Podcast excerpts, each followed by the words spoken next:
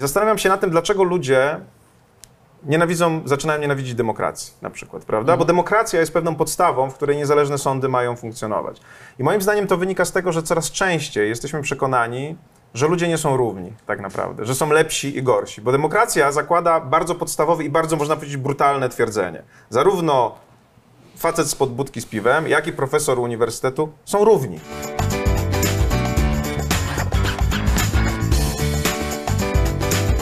Dzień dobry panie profesorze. Dzień dobry. Miło mi pana gościć w naszej świetlicy wolności. Przejdę od razu do rzeczy, zaczynając od e, pytania o studentów. E, Jest pan wykładowcą na Uniwersytecie Warszawskim, na Wydziale Prawa, a dokładniej na Katedrze Filozofii Prawa i Nauk o Państwie. Tak. Jak wielkie emocje i zainteresowanie w studentach budzą te dwa, wydaje się, podstawowe tematy? Różne. E, To jest tak, że przedmiot, którego ja uczę, nie jest przedmiotem obowiązkowym. Co w ogóle zmienia, wie pan, wszystko. Dlatego, że jak przedmiot jest obowiązkowy, jest jakiś poważny kodeks, pos- postępowanie cywilne albo postępowanie karne, to profesor jest najważniejszy, no bo wszyscy muszą to zaliczyć. Natomiast jak jest przedmiot, który jest nieobowiązkowy, to profesor musi się trochę podlizywać studentom, żeby w ogóle chcieli się go uczyć, dlatego że to oni decydują, czy się zapisują, czy się nie zapisują. E, krótko mówiąc e, i poważnie, no po prostu ja muszę się starać, e, żeby ten przedmiot był interesujący. To nie jest łatwe, dlatego że my w ramach tego przedmiotu uczymy o ludziach, którzy już dawno umarli, tacy jak Arystoteles na przykład, czy święty Tomasz z Akwinu. No i musimy pokazać, że to ma jakieś znaczenie dla współczesności i wydaje mi się, że ma i staramy się to, to robić. I to generalnie jest tak, że jak studenci przychodzą na te zajęcia, to tacy są trochę zaniepokojeni, co to będzie, czy to w ogóle będzie przydatne. Natomiast później, po zakończeniu tego kursu, często mówią, że to jest jeden z najważniejszych kursów w czasie studiów. Ja zawsze e, mówię studentom, którzy przychodzą na ten kurs, że nam zależy, żeby prawnicy nie byli tylko rzeźnikami i rzemieślnikami, to znaczy, żeby nie byli tak nastawieni do swojej pracy technicznie, y, tylko i wyłącznie widząc w niej, nie wiem, narzędzie zarabiania pieniędzy, ale żeby rozumieli, że za prawem stoją jakieś wartości e, i że to jest po coś. I to jest po coś w rozumieniu takim, bym nawet powiedział, wysokim. To znaczy, żebyśmy się nie pozabijali, żebyśmy mogli obok siebie żyć, żeby pewne wartości w społeczeństwie kwitły. No i staramy się, ten przedmiot jest mniej więcej na końcu studiów, więc jak oni już są wyposażeni w tę wszystką techniczną wiedzę, prawda, już tam siebie widzą w tych szklanych budynkach, gdzie tam zarabiają po prostu miliony jako prawnicy, no to właśnie my ich trochę tak jeszcze masujemy moralnie i im tłumaczymy, dlaczego takie rzeczy jak na przykład sprawiedliwość, równość są istotne. I myślę, że to dosyć dobrze wychodzi. Oni potem idą z tych naszych studiów, mam wrażenie, tacy kompletni, to znaczy i techniczni, i trochę nasyceni wartościami. Prawników jest sporo i prawo studiuje sporo osób. To jest duży odsetek studentów prawa, którzy wybierają a pańskie wykłady? Tak, my, myślę, że sporo ludzi wybiera. To nie jest tak, że to jest jakiś y, y, poboczny temat, który, który nie interesuje studentów, zwłaszcza, że oprócz tych kwestii związanych z wartościami my uczymy rzeczy, które potrzebu, których potrzebuje każdy prawnik, bez względu na to, czy zajmuje się prawem karnym, czy prawem cywilnym, czy prawem administracyjnym.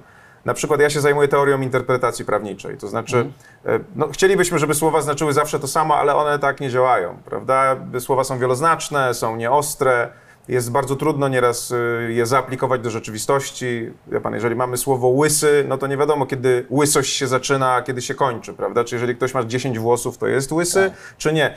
Jest bardzo dużo takich y, sformułowań w prawie, które wymagają zastosowania do konkretnej sytuacji, na przykład należyta staranność. Co to znaczy należyta staranność, prawda?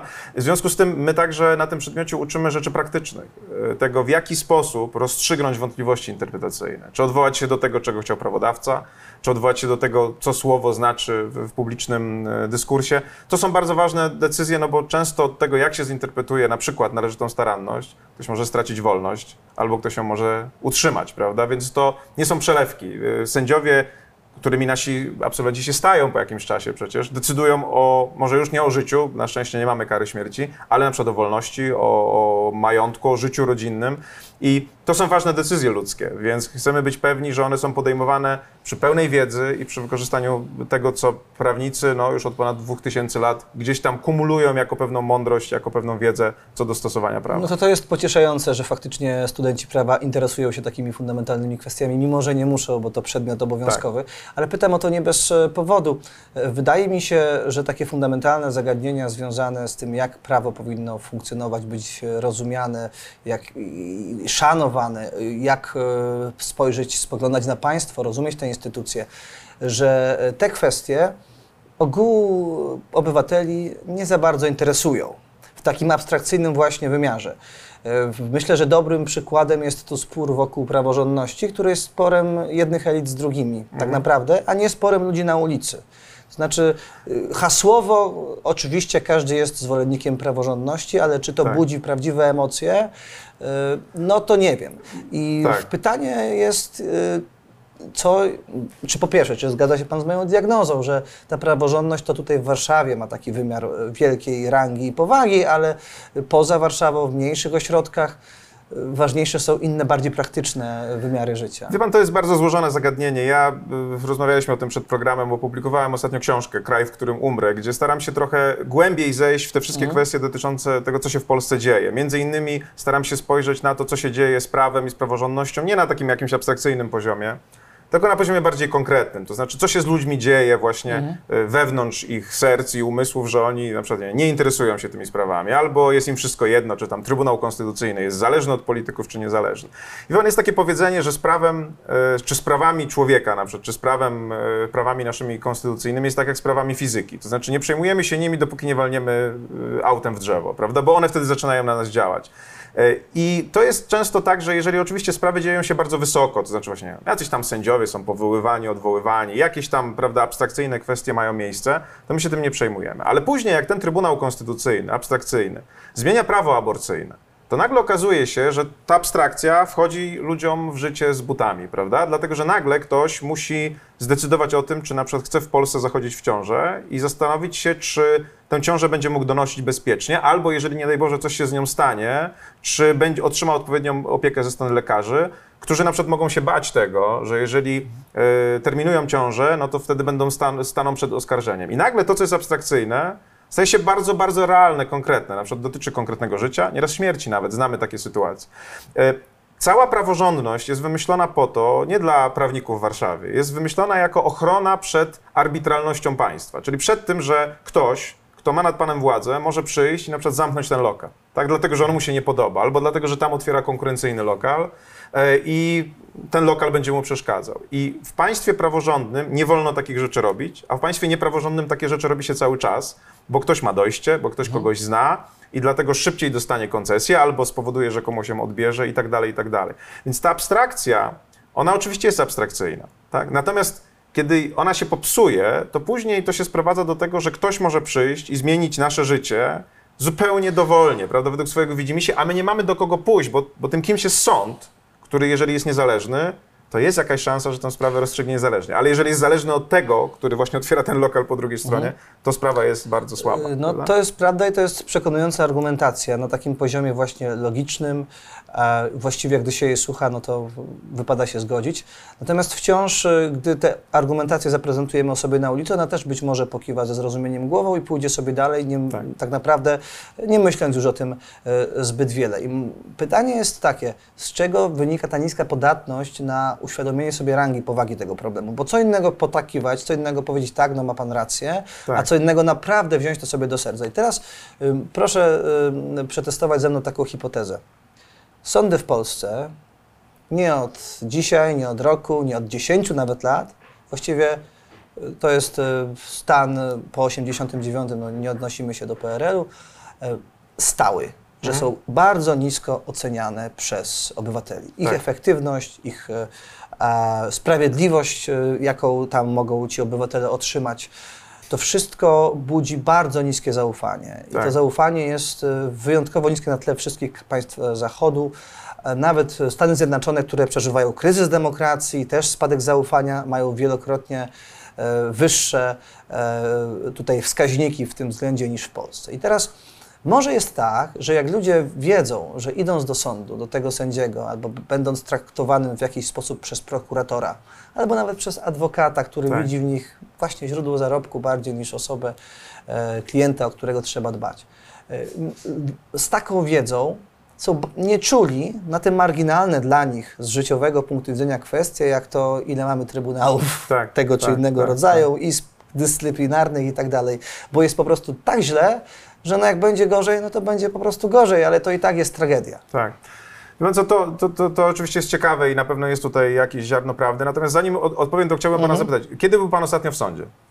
Zdarzyło się panu w ogóle w By-? Zdarzyło mi się jako świadek, tak. Okej, a E, kiedy to było? Z pięć lat temu, myślę. Pytam o to dlatego, że mamy badania, mówię tutaj o prawnikach, które pokazują, że y, tak naprawdę kontakt osobisty z sądem indywidualnego człowieka jest niezwykle rzadki. No na przykład w pana przypadku, nie wiem, no raz na pięć lat, a może w Tak. ogóle raz w życiu, prawda? I większość ludzi tak ma. I całe szczęście, tak? Bo sąd to nie jest miłe miejsce. To oznacza, że niewiele osób tak naprawdę, jak pan spojrzy na społeczeństwo, może sobie wyrobić zdanie na temat sądu przez, że tak powiem, osobiste doświadczenie. No tak. No, I te badania pokazują, że większość ludzi wyrabia sobie zdania na temat tego, czy sądy są sprawiedliwe, czy nie, na podstawie doniesień medialnych i tego, jak są sądy prezentowane w mediach. I to jest, to jest, to jest y, na całym świecie, tak? To znaczy, że jeżeli sądy są przedstawiane z szacunkiem, to ludzie sądy szanują, jeżeli sądy są atakowane, to ludzie sądów nie szanują. I teraz Stany Zjednoczone oczywiście mają olbrzymią tradycję sądownictwa i w ogóle inny sposób dochodzenia do tego, do tego poziomu i ta tradycja tam jest bardzo silna. U nas sądy ze względu na okres PRL-u miały bardzo niską, tak jak większość służb Tak. e, e, publicznych, ocenę, czy na przykład tak jak milicja, która zamieniła się w policję. I teraz proszę zobaczyć, jeżeli chodzi o policję na przykład, prawda, czy nawet wojsko, podjęto przez wiele lat dosyć duży wysiłek, taki bym powiedział, no nie chcę powiedzieć propagandowy, ale, ale PR-owski, prawda? Prezentowano policjantów jako wartościowych, jako pomagających i ta ocena wzrastała. Natomiast co było z sądami, prawda? Zwłaszcza przez ostatnie 8 lat mamy akcje billboardowe, które pokazują, że sędziowie to są tacy ludzie, którzy kradną wiertarki i kiełbasy. Ja, ja o tym mówię niby z, z przekąsem, ale, ale jeżeli władza prowadzi akcję oczerniającą tak naprawdę sędziów na podstawie indywidualnych zachowań, gdyby chciało się polityków oczernić i pokazać indywidualne zachowania, też dałoby się to zrobić, to nie, nie ulega wątpliwości, że ocena sądów spadnie. To, to jest pierwsza, pierwsza teza. Natomiast ma pan oczywiście rację, że sądy nie są idealne. Ja wielokrotnie, zanim w ogóle ta cała historia z atakiem na praworządność się zaczęła, ja prowadziłem takie badania w sądach dotyczące poziomu formalizmu sądo, są- sądowego, czyli takiego podejścia, gdzie właśnie nie jednostka się liczy, tylko paragraf, nie zasady, takie jak równość, sprawiedliwość, tylko litera prawa, nawet jeżeli ona jest rzeczywiście bardzo twarda, taka dura lex, prawda, set lex. I miałem bardzo wiele zastrzeżeń, że sędziowie nie sięgają do takich zasad, żeby na przykład, nie wiem, zadbać o sytuację przedsiębiorcy, prawda, który się zderza z państwem naj, i, i częściej stają po stronie państwa, y, powołując się właśnie na taki formalizm. Są to zagadnienia na pewno bardzo złożone, natomiast y, nie ulega wątpliwości, że kiedy władza polityczna z wykorzystaniem wszystkich swoich sił uderza w drugą władzę, władzę sądowniczą, proszę pamiętać, że w Stanach Zjednoczonych do, Donald Trump także uderzał w sędziów, tak? mówiąc, że oni są na przykład wrogami ludu. W, w Wielkiej Brytanii, kiedy sędziowie e, zdecydowali o tym, kto ma decydować o Brexicie, tabloidy tych sędziów pokazały na pierwszych stronach, mówiąc, to są wrogowie zwyczajnego człowieka. To jest częsta narracja populizmu, która powoduje obniżenie zaufania do sądów. Ja przed tym przestrzegam, dlatego że pan, jeżeli nie będziemy mieli zaufania do sądów i politycy będą nam mówili, nie ufajcie im, tylko ufajcie nam, no to wtedy zdajemy się na rozstrzyganie takich spraw przez polityków. A to jest bardziej niebezpieczne niż nawet niedoskonałe sądy.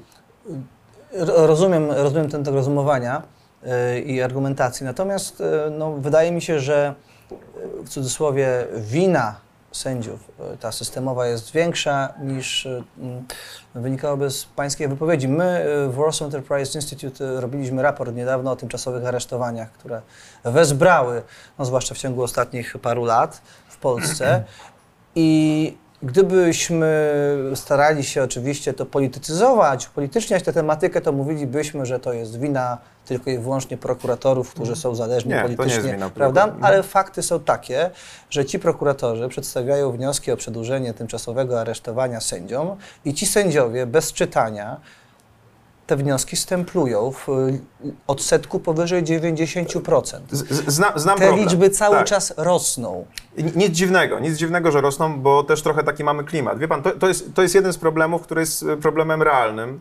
Natomiast nie rozwiąże się go rozwalając praworządność, rozwalając sądy. Moim zdaniem to wynika z tego, że e, kariera sędziowska w Polsce jest taka, że właściwie, nie wiem, mam wrażenie, że łatwiej jest zos- zostać sędzią niż na przykład początkującym radcą prawnym czy adwokatem. Yy, ludzie dosyć młodzi, jeszcze bez doświadczenia życiowego, nieraz bez moim zdaniem cech psychicznych, które na przykład wymagane są, żeby sprzeciwić się prokuratorowi, prawda? Albo żeby, żeby jemu się postawić w, w, obronie, w obronie jednostki.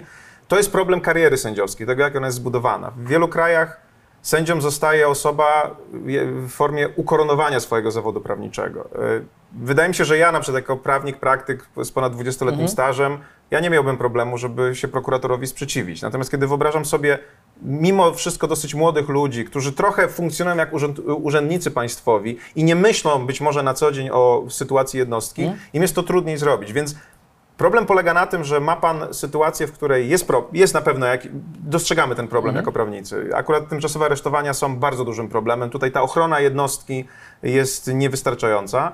Nie ma pan żadnych zmian, które miałyby wprowadzić nowy model sędziego, który na przykład będzie bardziej asertywny, bardziej będzie potrafił się sprzeciwić em, prokuratorowi, a jednocześnie ma pan ogromne upolitycznienie tego procesu, w którym każda decyzja właściwie głośna, w której sędzia odmawia aresztowania, trafia do telewizji, gdzie prokurator generalny przychodzi i mówi wypuścił przestępcę, naruszając wszystkie zasady domniemania niewinności i tak dalej.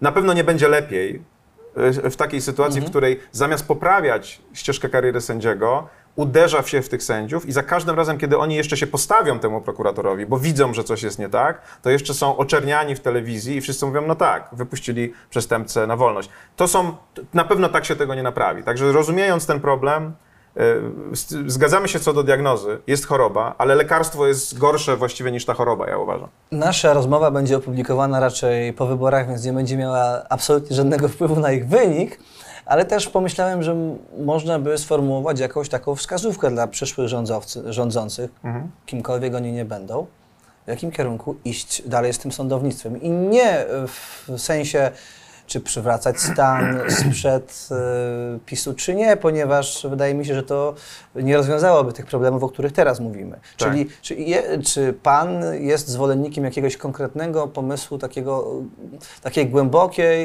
y, fundamentalnej reformy systemu sprawiedliwości w Polsce i jaki to by był Jestem, jestem zwolennikiem reformy, y, y, która spowoduje, że te sądy będą bliżej człowieka i że w ogóle będą mogły normalnie i szybciej działać. Proszę zwrócić uwagę, że my od 8 lat jesteśmy karmieni informacjami, że z tymi sądami jest bardzo, bardzo źle, że sprawy trwają bardzo długo, co jest rzeczywiście prawdą.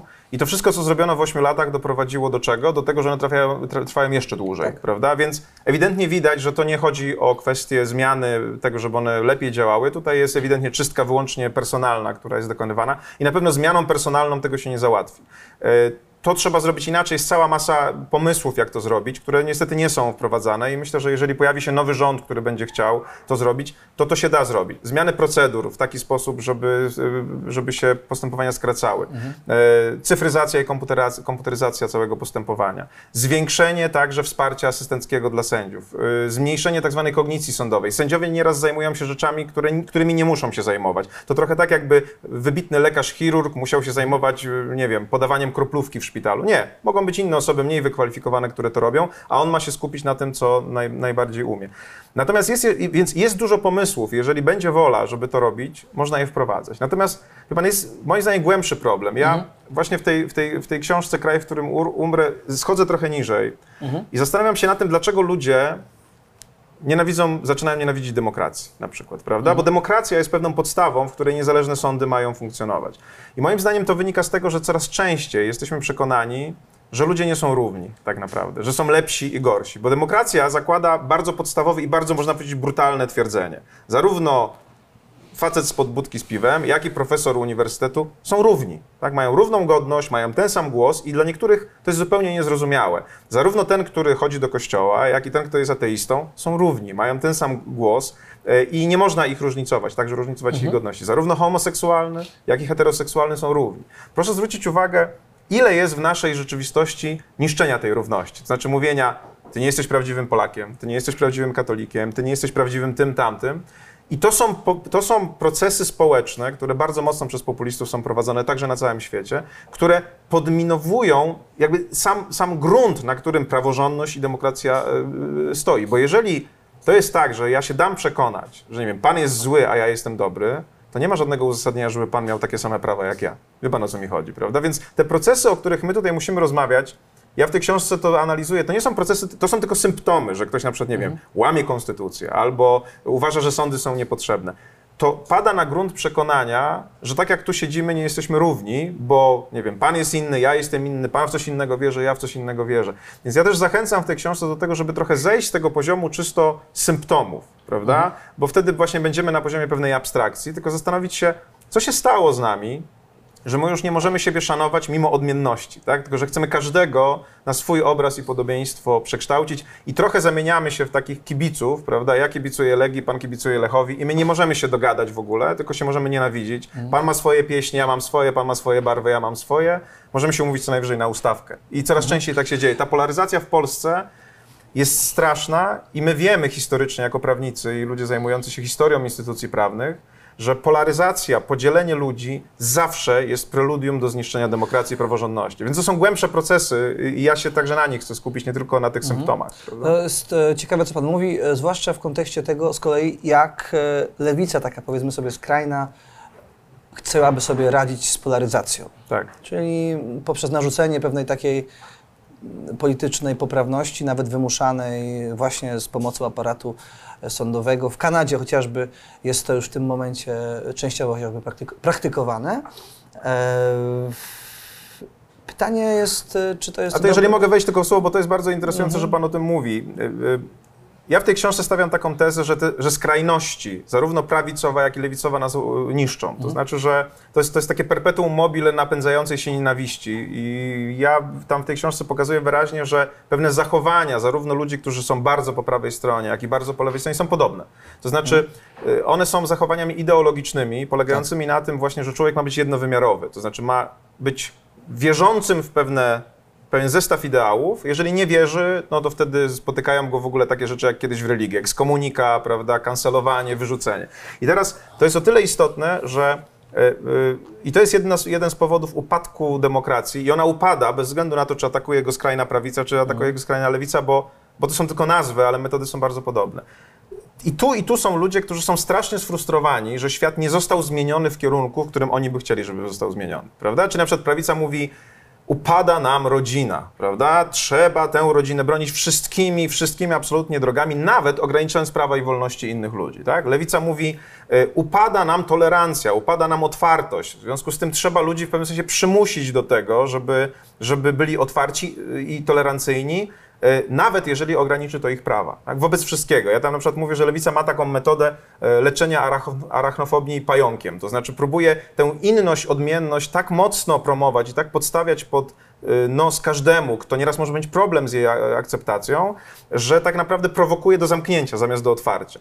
I teraz, jeżeli na to tak, pa, tak pan popatrzy, no to mamy do czynienia z taką oto sytuacją, że frustracja zarówno jednej skrajności, jak i drugiej napędza co, do, do coraz większej skrajności. Bo jeżeli ja mocno wierzę, ale to tak jak talib, tak, że ten świat, który ja chcę widzieć, tak, na przykład świat katolicki albo świat feministyczny, czyli na przykład świat bez ateistów albo świat bez patriarchatu, to jest jedyna forma świata, to ja zrobię wszystko, żeby tak ten świat wyglądał, nawet jeżeli mam naruszyć czyjeś No prawa to to i jest wolności. doskonały argument właśnie za tym, żeby nie dopuszczać do debaty publicznej głosów skrajnych. No- to jest to, co właśnie niektórzy na lewicy postulują. Czyli zresztą Nie, nie, nie, pan to nie chodzi o e, to. To nie chodzi o to. padł- To chodzi o to, żeby ta, ta, ta debata była maksymalnie otwarta, natomiast żeby odbywała się. Ja jestem wielkim zwolennikiem wolności słowa. Uważam, No że właśnie to jest, chcę wybadać to, to, jak to jest wielki. absolutny, absolutna konieczność, żebyśmy mogli słuchać tych argumentów. Natomiast czym innym jest deliberować w szacunku dla siebie na temat tego, czy sytuacja kobiet wymaga poprawy? Zdecydowanie tak, bo na pewno nie są jeszcze równouprawnione, tak jak się nieraz głośno mówi. Albo czy na przykład w niektórych sytuacjach osoby wierzące i ich wartości są naruszane? Tak, są, ale też nie tak bardzo, jak się zazwyczaj mówi. Krótko mówiąc, rozmowa jest potrzebna. Problem jest wtedy, kiedy ktoś właściwie przestaje gadać, a zaczyna siłą wprowadzać te rozwiązania, dlatego że akurat jest przy władzy, prawda? I teraz, jeżeli mamy takich ludzi w Polsce, którzy są bardziej po prawej stronie, no to właśnie oni przygniotą tych, którzy są po lewej stronie, butem prawa i ich zmuszą do akceptacji pewnych wartości, ale w innych krajach, no nie musimy używać może przykładu Kanady, ale no, pan to powołał, może to pójść zupełnie w drugą stronę.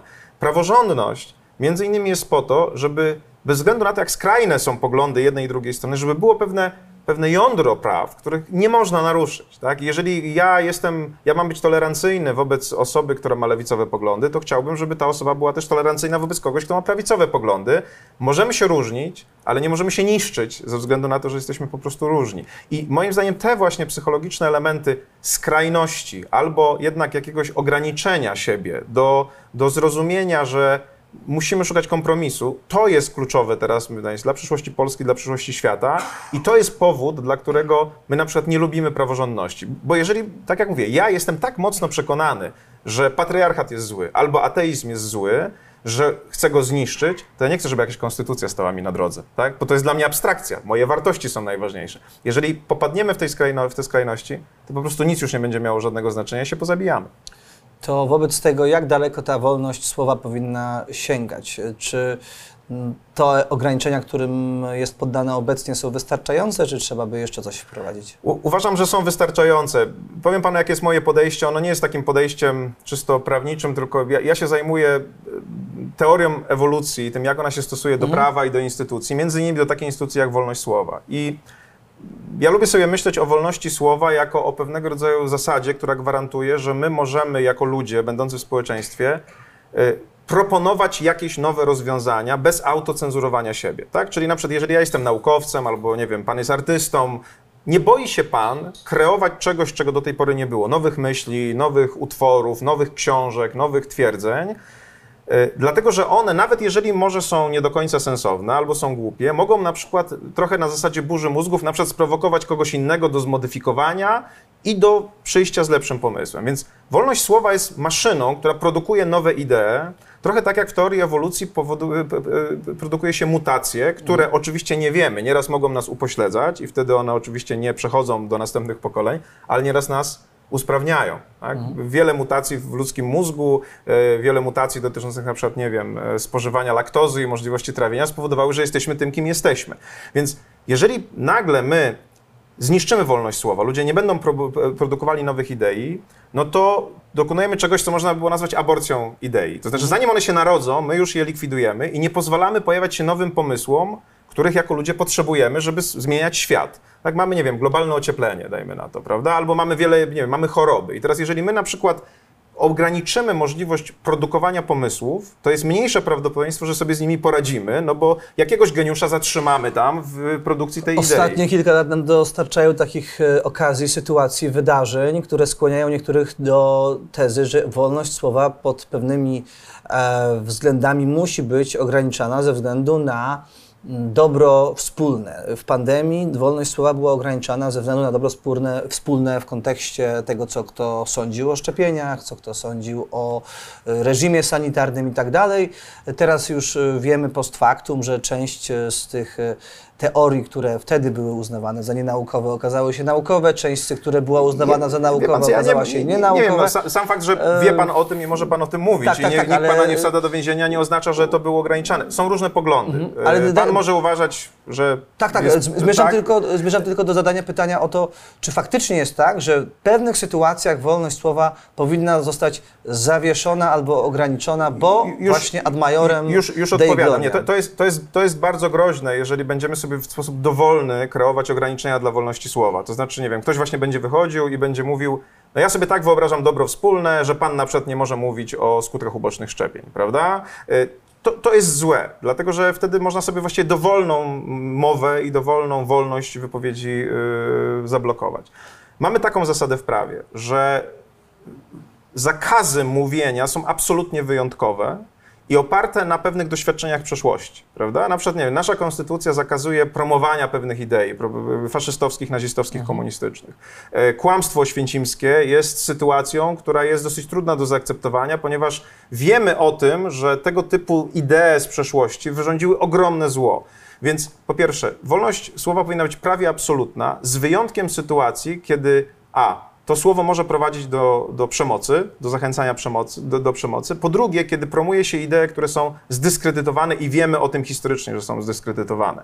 Jeżeli chodzi o kwestię szczepień, mamy Komunizm, zdań. promowanie komunizmu jest zakazane w Tak, Polsce. tak samo faszyzmu i nazizmu, Tak. prawda? W związku z tym te sytuacje, i proszę zobaczyć, jaka to jest konstrukcja. Jako społeczeństwo dość wiemy, że to było skrajnie złe, w związku z tym nie widzimy powodu, dla którego te idee mają być znowu promowane, traktujemy je jako mutacje, które przyniosły śmierć, prawda? W związku z tym nie ma sensu proponować, pro, promować mutacji w naszym myśleniu, które się już nie sprawdziły.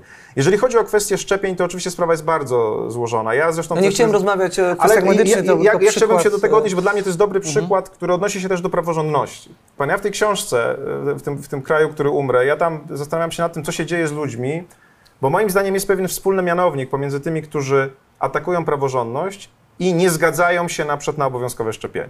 I to może się wydawać dziwne, czy te rzeczy są ze sobą w ogóle powiązane, natomiast uważam, że jest pe- pewne powiązanie pomiędzy nimi. Mianowicie, ze względu na zmiany technologiczne, na to, że każdy z nas siedzi w telefonie, poddaje się pewnego rodzaju narracji mediów społecznościowych, która jest bardzo fragmentaryczna, bardzo emocjonalna, budzi różnego rodzaju emocje, najczęściej skrajne, prawda? Bo nie oglądamy słodkiego kotka i się wzruszamy, a za chwilę oglądamy ukraińskiego żołnierza, który ginie na wojnie i w związku z tym mamy bardzo mocny smutek w sobie, więc upraszczając, media społecznościowe są maszyną do destabilizacji emocjonalnej, prawda? Te rolki, które, które nas, to- jest udowodnione, że one destabilizują nas emocjonalnie, a jednocześnie każą nam patrzeć na indywidualną emocję, na indywidualny strach albo na indywidualny podziw, a nie na pewne systemowe rozwiązania.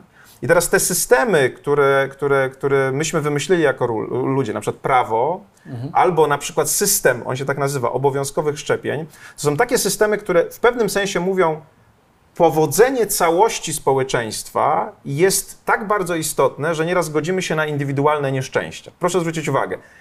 Zakładamy, że w szczepieniach jest tak, że one są dobre dla społeczeństwa, mimo że indywidualna osoba, która jest poddana szczepieniu, może cierpieć z tego powodu, bo wiemy o tym, że są skutki uboczne. Generalnie zakładamy, że rozstrzygnięcia sądowe są sprawiedliwe, ale w jakimś procencie mamy pomyłki sądowe, mamy sytuacje, gdzie ktoś cierpi z tego powodu. I teraz proszę zwrócić uwagę, kiedyś myśmy zakładali, że działanie systemu jest ważniejsze jakby od tych indywidualnych nieszczęść, a teraz zaczyna nam się robić odwrotnie. Na przykład ktoś mówi, zaraz, zaraz, mnie nie obchodzi to ca ta całość, ten system, nie obchodzi moje dziecko i to, czy ono będzie cierpiało, czy będzie zdrowe, na przykład kiedy je zaszczepię. Albo ktoś mówi, mnie nie obchodzi ten cały system praworządności, ja słyszę, że y, ktoś został skazany niesłusznie na karę więzienia, albo na przykład siedział w areszcie przez ileś czasu i mi łatwiej jest się utożsamić z tą jednostką, z jej cierpieniem i trochę, można powiedzieć, zacząć nawet niszczyć ten system. Jest ogromny wzrost w skargach prawniczych do trybunałów konstytucyjnych, do sądów międzynarodowych, gdzie ludzie atakują system obowiązkowych szczepień, a kiedyś tak nie było. Mamy go od lat 60. Czyli zmienia nam się w głowach mniej więcej takie myślenie. Jednostka i jej, i moje emocje, albo jej emocje, jej przeżycia są ważniejsze niż systemowe rozwiązania. I teraz ktoś może powiedzieć, dobrze, no nie do końca, dlatego że jeżeli my zbyt mocno się skupimy na tej indywidualnej jednostce i na przykład doprowadzimy do tego, że wyszczepialność w Polsce, czyli ten poziom odporności wynikających ze szczepień spadnie, no to wszyscy zaczniemy cierpieć. Jeżeli my się zgodzimy na to, że jeżeli jeden sędzia czy dwóch ukradło kiełbasę albo wiertarkę my możemy, i rozmontujemy cały system, to wszyscy będziemy cierpieć, bo nie będzie żadnego arbitra, który może rozstrzygnąć kwestie, które mogą być kwestiami spornymi pomiędzy mną i panem, albo tym przysłowiowym człowiekiem, który chce zamknąć na przykład to miejsce i otworzyć inne. To są bardzo złożone sprawy, natomiast ja w tej książce pokazuję, że to nie jest tak, że nagle ktoś przyszedł i powiedział, nie potrzebujemy praworządności, albo nie potrzebujemy szczepień. Są pewne procesy psychologiczno-społeczne, które są głębsze, które trzeba najpierw zrozumieć, żeby móc tymi kwestiami się zajmować, żeby potem móc racjonalnie mówić, rozumiem cię, że obawiasz się, ale spójrz, prawda? Jeżeli to się, to pójdzie zbyt daleko, no to wtedy wszyscy będziemy cierpieć i ty także, i twoje dziecko, i tak dalej, i tak dalej. Bardzo trudne są te rozmowy, ale ten proces moim zdaniem tak wygląda. Znaczy, może być też tak, że opór przeciwko szczepieniom, który tak naprawdę pojawił się w okolicy wynalezienia szczepionki na COVID, albo opór przeciwko akceptacji dla systemu sprawiedliwości w Polsce, wynika z tego, że te zdarzenia są e, wyjątkowe. Wyjątkowa jest e, skala e, pandemii, wyjątkowa jest e, sytuacja, w której ktoś wynajduje szczepionkę w rok i aplikuje ją całemu światu w trybie pośpiesznym. Jest to na tyle wyjątkowe, że budzi brak za- Tu, zaufania. tu, tutaj, tutaj się nie zgadzam Yy. do końca. Akurat szczepionka na COVID była oparta na rozwiązaniach, które były No, znaczy, powszechnie no, stosowane każda szczepionka jest wcześniej. oparta na jakichś rozwiązaniach, a natomiast była wynaleziona w, w ciągu roku. Tak? Natomiast jakby- do, do, chcę, chcę to jasno powiedzieć. Dowody medyczne są jednoznaczne dotyczące tego, że w sytuacji, kiedy ona była stosowana, doprowadziła do mniejszej liczby zachorowań mniejszej tak, liczby tak, tak, to jest, powikłań. jakby tego nie neguję. Tak, ja na- chcę na- się odnieść tylko do wyjątkowości. Tak, ale, ale wie pan, to, to też chyba nie jest do końca tak, jak sądzę, bo ja na przykład, nawet gdybym mógł zrozumieć obawę przed szczepionką, która musiała być pospiesznie wprowadzona na rynek, no to nie rozumiem, dlaczego na przykład, a tak jest, skargi dotyczące obowiązkowych szczepień dotyczą także innych szczepień. Tak? Także dotyczących No to się szczepień, które są. na całą no, no resztę tak, ale pytanie jest takie, dlaczego? Tak? Dlaczego na przykład ktoś, kto obawia się szczepionki nowej, obawia się szczepionki na polio, prawda? która jest z Mhm. nami i, i- i wiadomo, że jest skuteczna od wielu, wielu lat. Tak samo z tą praworządnością, no tutaj już by ta paralela nie pasowała, prawda? Bo to nie jest tak, że nagle coś się z praworządnością zdarzyło, Tutaj nie czego chodzi mi wcześniej o, nie było. o prawda? nagłe wydarzenie, tylko chodzi mi o skalę, ciągłą skalę tych e, dysfunkcji systemu sprawiedliwości. Bo to nie jest tak, że jakiś sędzia ukradł e, mięso czy wiertarkę i nagle wszyscy przestali ufać e, sądom, prawda? No, no ale jeszcze raz podkreślam tę moją tezę, która, no. która jest oparta w badaniach. To znaczy, y, proszę mi wierzyć, że nikt w telewizji nie mówi o sprawiedliwym wyroku, który wydał sędzia. Jeżeli nagle mamy, i, i dlatego na całym świecie y, apeluje się do polityków, żeby oni byli ostrożni, wstrzemięźliwi z krytykowaniem albo w ogóle z komentowaniem wyroków, y, dlatego że to zmienia postrzeganie. Jest bardzo łatwo przedstawić na przykład komuś, kto nie zna akt sprawy, y, decyzję właśnie o, nie wiem, zwolnieniu z aresztu jako decyzję złą dla społeczeństwa. I polityk, który zwłaszcza buduje swoją pozycję, wie pan, na byciu takim silnym szeryfem, a tak mamy bardzo często. Takim był politykiem był Trump, takim politykiem był Lech Kaczyński, takim politykiem jest Zbigniew Ziobro. No to wtedy jest bardzo duża pokusa, żeby jednak dowalić tym sądom. Powiedzieć, zobaczcie, oni są głupi, oni są nielogiczni i ta, ten czarny PR, to on w dużej mierze powoduje, że, że zaczynamy myśleć o sądach źle, bo jeszcze raz podkreślam, rzadko do nich chodzimy indywidualnie. I w moje doświadczenie jako prawnika e, z doświadczeniem ponad 20-letnim jest takie, że sądy na pewno nie są idealne, ale na pewno nie są totalnie zepsute.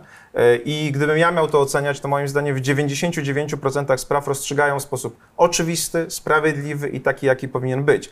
Ten 1% później urasta nam do olbrzymiego konfliktu społecznego, bo ciągle ktoś bije pianę, mówiąc, słuchajcie, jak można kogoś, prawda, Ale kto jest podejrzany o wrażenie, mam przestępstwo, wrażenie, że nie ma danych, które tak? pozwoliłyby uzasadnić tezę, że 99% wyroków to są wyroki sprawiedliwe. Nie ma, nie, oczywiście, wie pan, no, w ogóle jak, jak jest, jaka jest przestrzeń dotycząca sprawiedliwości, czy rozumienia sprawiedliwości. Natomiast problem jest taki, że y, jeżeli pan policzy liczbę wyroków, które w Polsce są wydawane i liczbę krytyki, która spada pod adresem konkretnych decyzji sądowych, no to porównuje pan miliony z jednostkami. No po prostu tak jest, prawda? W związku z tym, jeżeli jest bardzo, jest cała masa wyroków, od których ludzie się w ogóle nie odwołują, mimo że mogą, to znaczy, że, że zgadzają się z nimi. Trzeba by było to zbadać. Natomiast jeszcze raz podkreślam, jeżeli najgorszym, e, jakby najgorszą wadą grupy sędziowskiej w Polsce, która ma 10 tysięcy osób, jest to, że jeden ukradł wiertarkę, a drugi ukradł, ukradł kiełbasę, no to jakby się to porównało z taką grupą polityków, to proszę mi wierzyć, że tam to zepsucie jest większe. A nagle mamy wrażenie, że ci politycy siebie przedstawiają jako idealnych, prawda, nie, nie skażonych jakąkolwiek niemoralnością, a ci sędziowie to w ogóle są bandytami. Moim zdaniem jest niestety to w taki sposób przedstawiane. Coś jest nie tak z tą sytuacją. Chciałem jeszcze porozmawiać o innej grupie zawodowej, właśnie tutaj um, istotnej dla problemu, czyli o prokuratorach. Sytuacja upolitycznienia prokuratury y, to jest y, rzecz znana od wielu lat i wydaje mi się, że y, to jest znowu teza do przetestowania w świetle pańskiej wiedzy, y, że już mógł powstać mechanizm negatywnej selekcji. Czyli jeżeli ktoś jest na studiach prawniczych i Tak. myśli o karierze prokuratora, to nie ma takiej opcji, żeby nie wiedział, jak tę karierę się robi. W związku z tym tylko ten w jakimś sensie ułomny moralnie sort ludzi w ostatnich latach dołącza do tej grupy. Teza robocza. Ba- ba- Oczywiście, nie ba- mówię, bardzo, że to bardzo jest... trudna sprawa. Wydaje mi się, że musimy sobie przypomnieć, kim jest prokurator tak naprawdę, bo my go oczywiście najczęściej kojarzymy z kimś, kto oskarża w procesie karnym, ale rola prokuratora jest czymś więcej. Prokurator jest obrońcą interesu publicznego, to znaczy jest to ktoś, kto ma bronić interesu publicznego szerzej, szerzej pojętego. I teraz oczywiście jest cała masa bardzo dobrych i bardzo uczciwych i bardzo wysokich, jeżeli chodzi o moralność, e, prokuratorów. Natomiast w ostatnim czasie niestety rzeczywiście następuje pewien mechanizm e, tej takiej, takiej selekcji negatywnej, dlatego że prokuratura, która zawsze w Polsce, proszę pamiętać, że prokuratura w naszej konstytucji nie, nie wymagamy tego, żeby była całkowicie niezależna, prawda? Na przykład tak jak sędziowie. Więc pewnego rodzaju wpływ, nie wiem, prokuratura generalnego jest absolutnie dopuszczalny. Natomiast to, co się zdarzyło w ostatnich latach, jest rzeczywiście sytuacją, w której wymaga się od tych ludzi absolutnego posłuszeństwa w realizacji celów politycznych. I teraz są w prokuraturze ludzie, którzy są ze starego rozdania, którzy sobie z tym nie mogą poradzić. Mamy stowarzyszenia prokuratorów, którzy po prostu krytykują to, co się dzieje.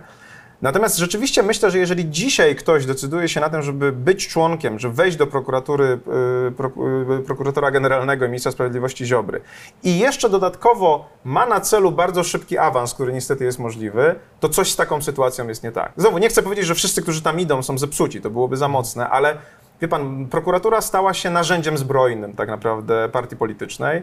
Y, i jeżeli widzimy kogoś, kto zostaje takim prokuratorem i powinien powolutku awansować, a nagle zostaje katapultowany do najwyższych stanowisk prokuratorskich, to to jest najlepszy sygnał, że coś jest z tą karierą nie tak i prawdopodobnie tam dochodzi do bardzo dużych kwestii e, kompromisów moralnych. Bardzo źle się dzieje w prokuraturze.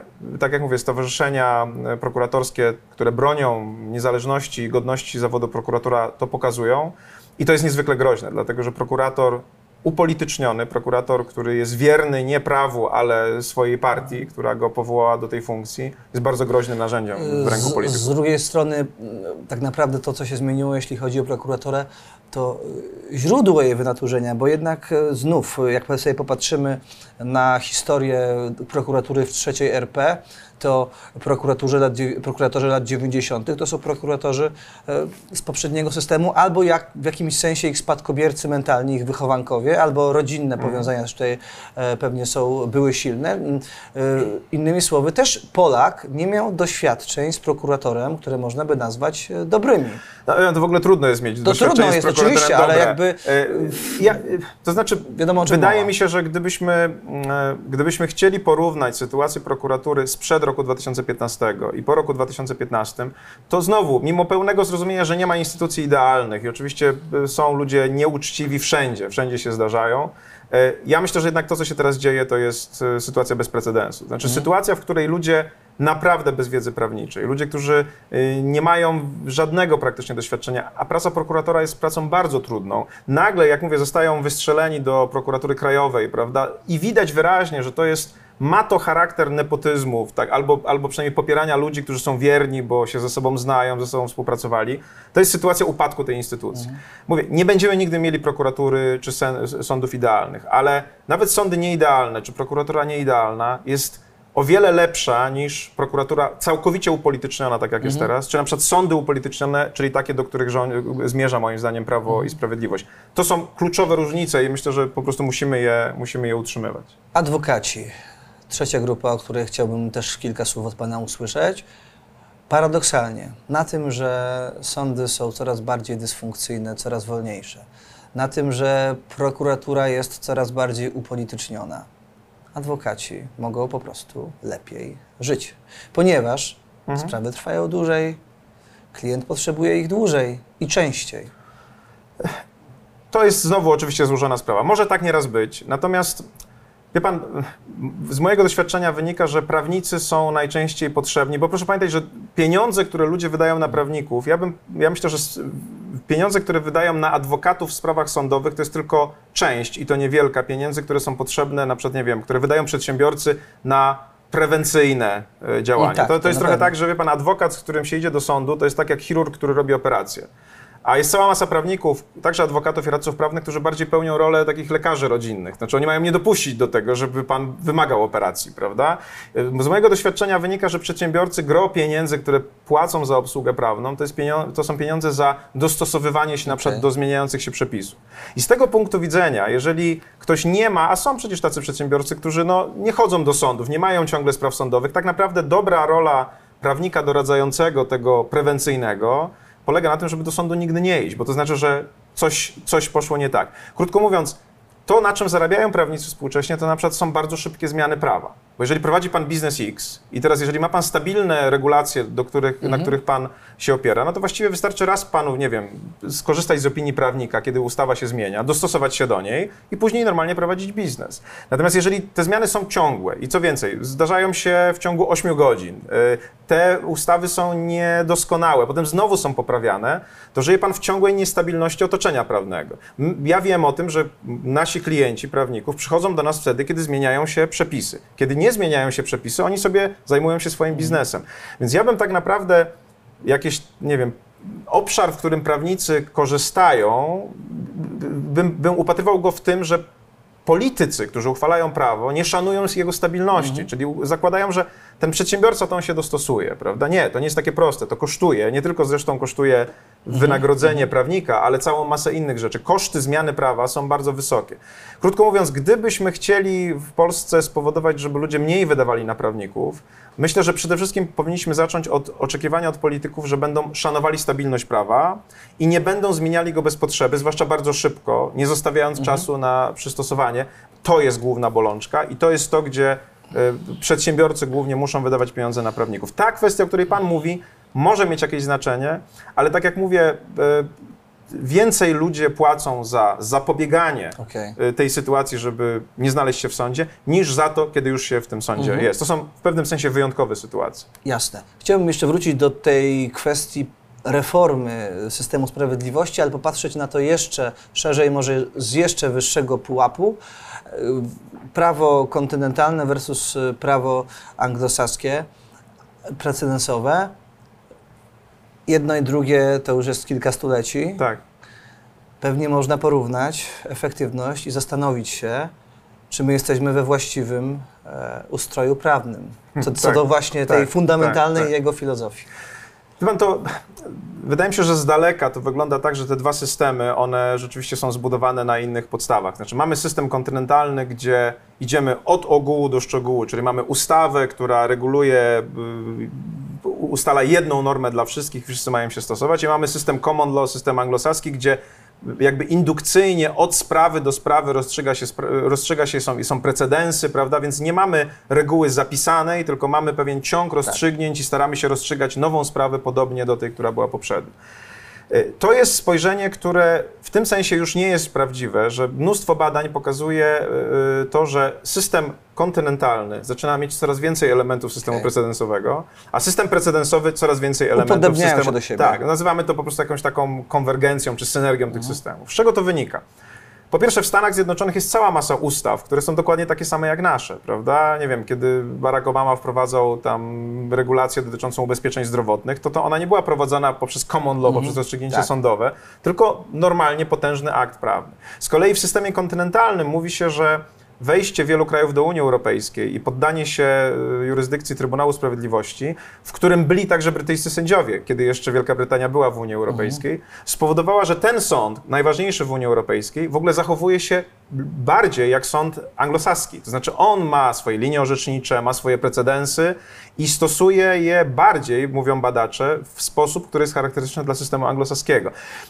Mamy także badania w Polsce, ja takie badania prowadziłem na temat polskich sądów, Drugim co do częstotliwości argumentem, który sądy polskie, zwłaszcza sądy administracyjne, stosują w sprawach, jest argument z wcześniejszego orzecznictwa. Mimo, że ono nie jest źródłem prawa. W ten sposób sądy mówią, no chcemy wam dać poczucie, że zachowujemy się logicznie, że zachowujemy się konsekwentnie, więc mimo, że nie ma pan u nas precedensu jako źródła prawa formalnie w Konstytucji, w orzecznictwie sądowym to jest drugi argument najczęściej stosowany. Więc tak jak mówię, ta sytuacja już się trochę wyrównała, i, trzeba pamiętać, że zarówno system kontynentalny w takim czystym kształcie, jak i system anglosaski w czystym kształcie, one mają swoje wady i zalety, więc ta, ta synergia, czy to po- pomieszanie ich, wydaje się prowadzi do wypracowania takiego systemu, który bierze to, co najlepsze z każdej No właśnie chciałem powiedzieć, że, e, sytuacji. chciałem powiedzieć, że z tego, co Pan mówi, to wygląda na to, że myśmy zaimportowali ten pozytyw, jeśli Mhm. chodzi o system anglosaski, a wyeksportowaliśmy ten neg- nasz negatyw, No nie, to, y, właśnie e, biegunkę Nie- nie- legislacyjną. nieko- Niekoniecznie na to tak trzeba patrzeć, bo y, uchwalanie ustaw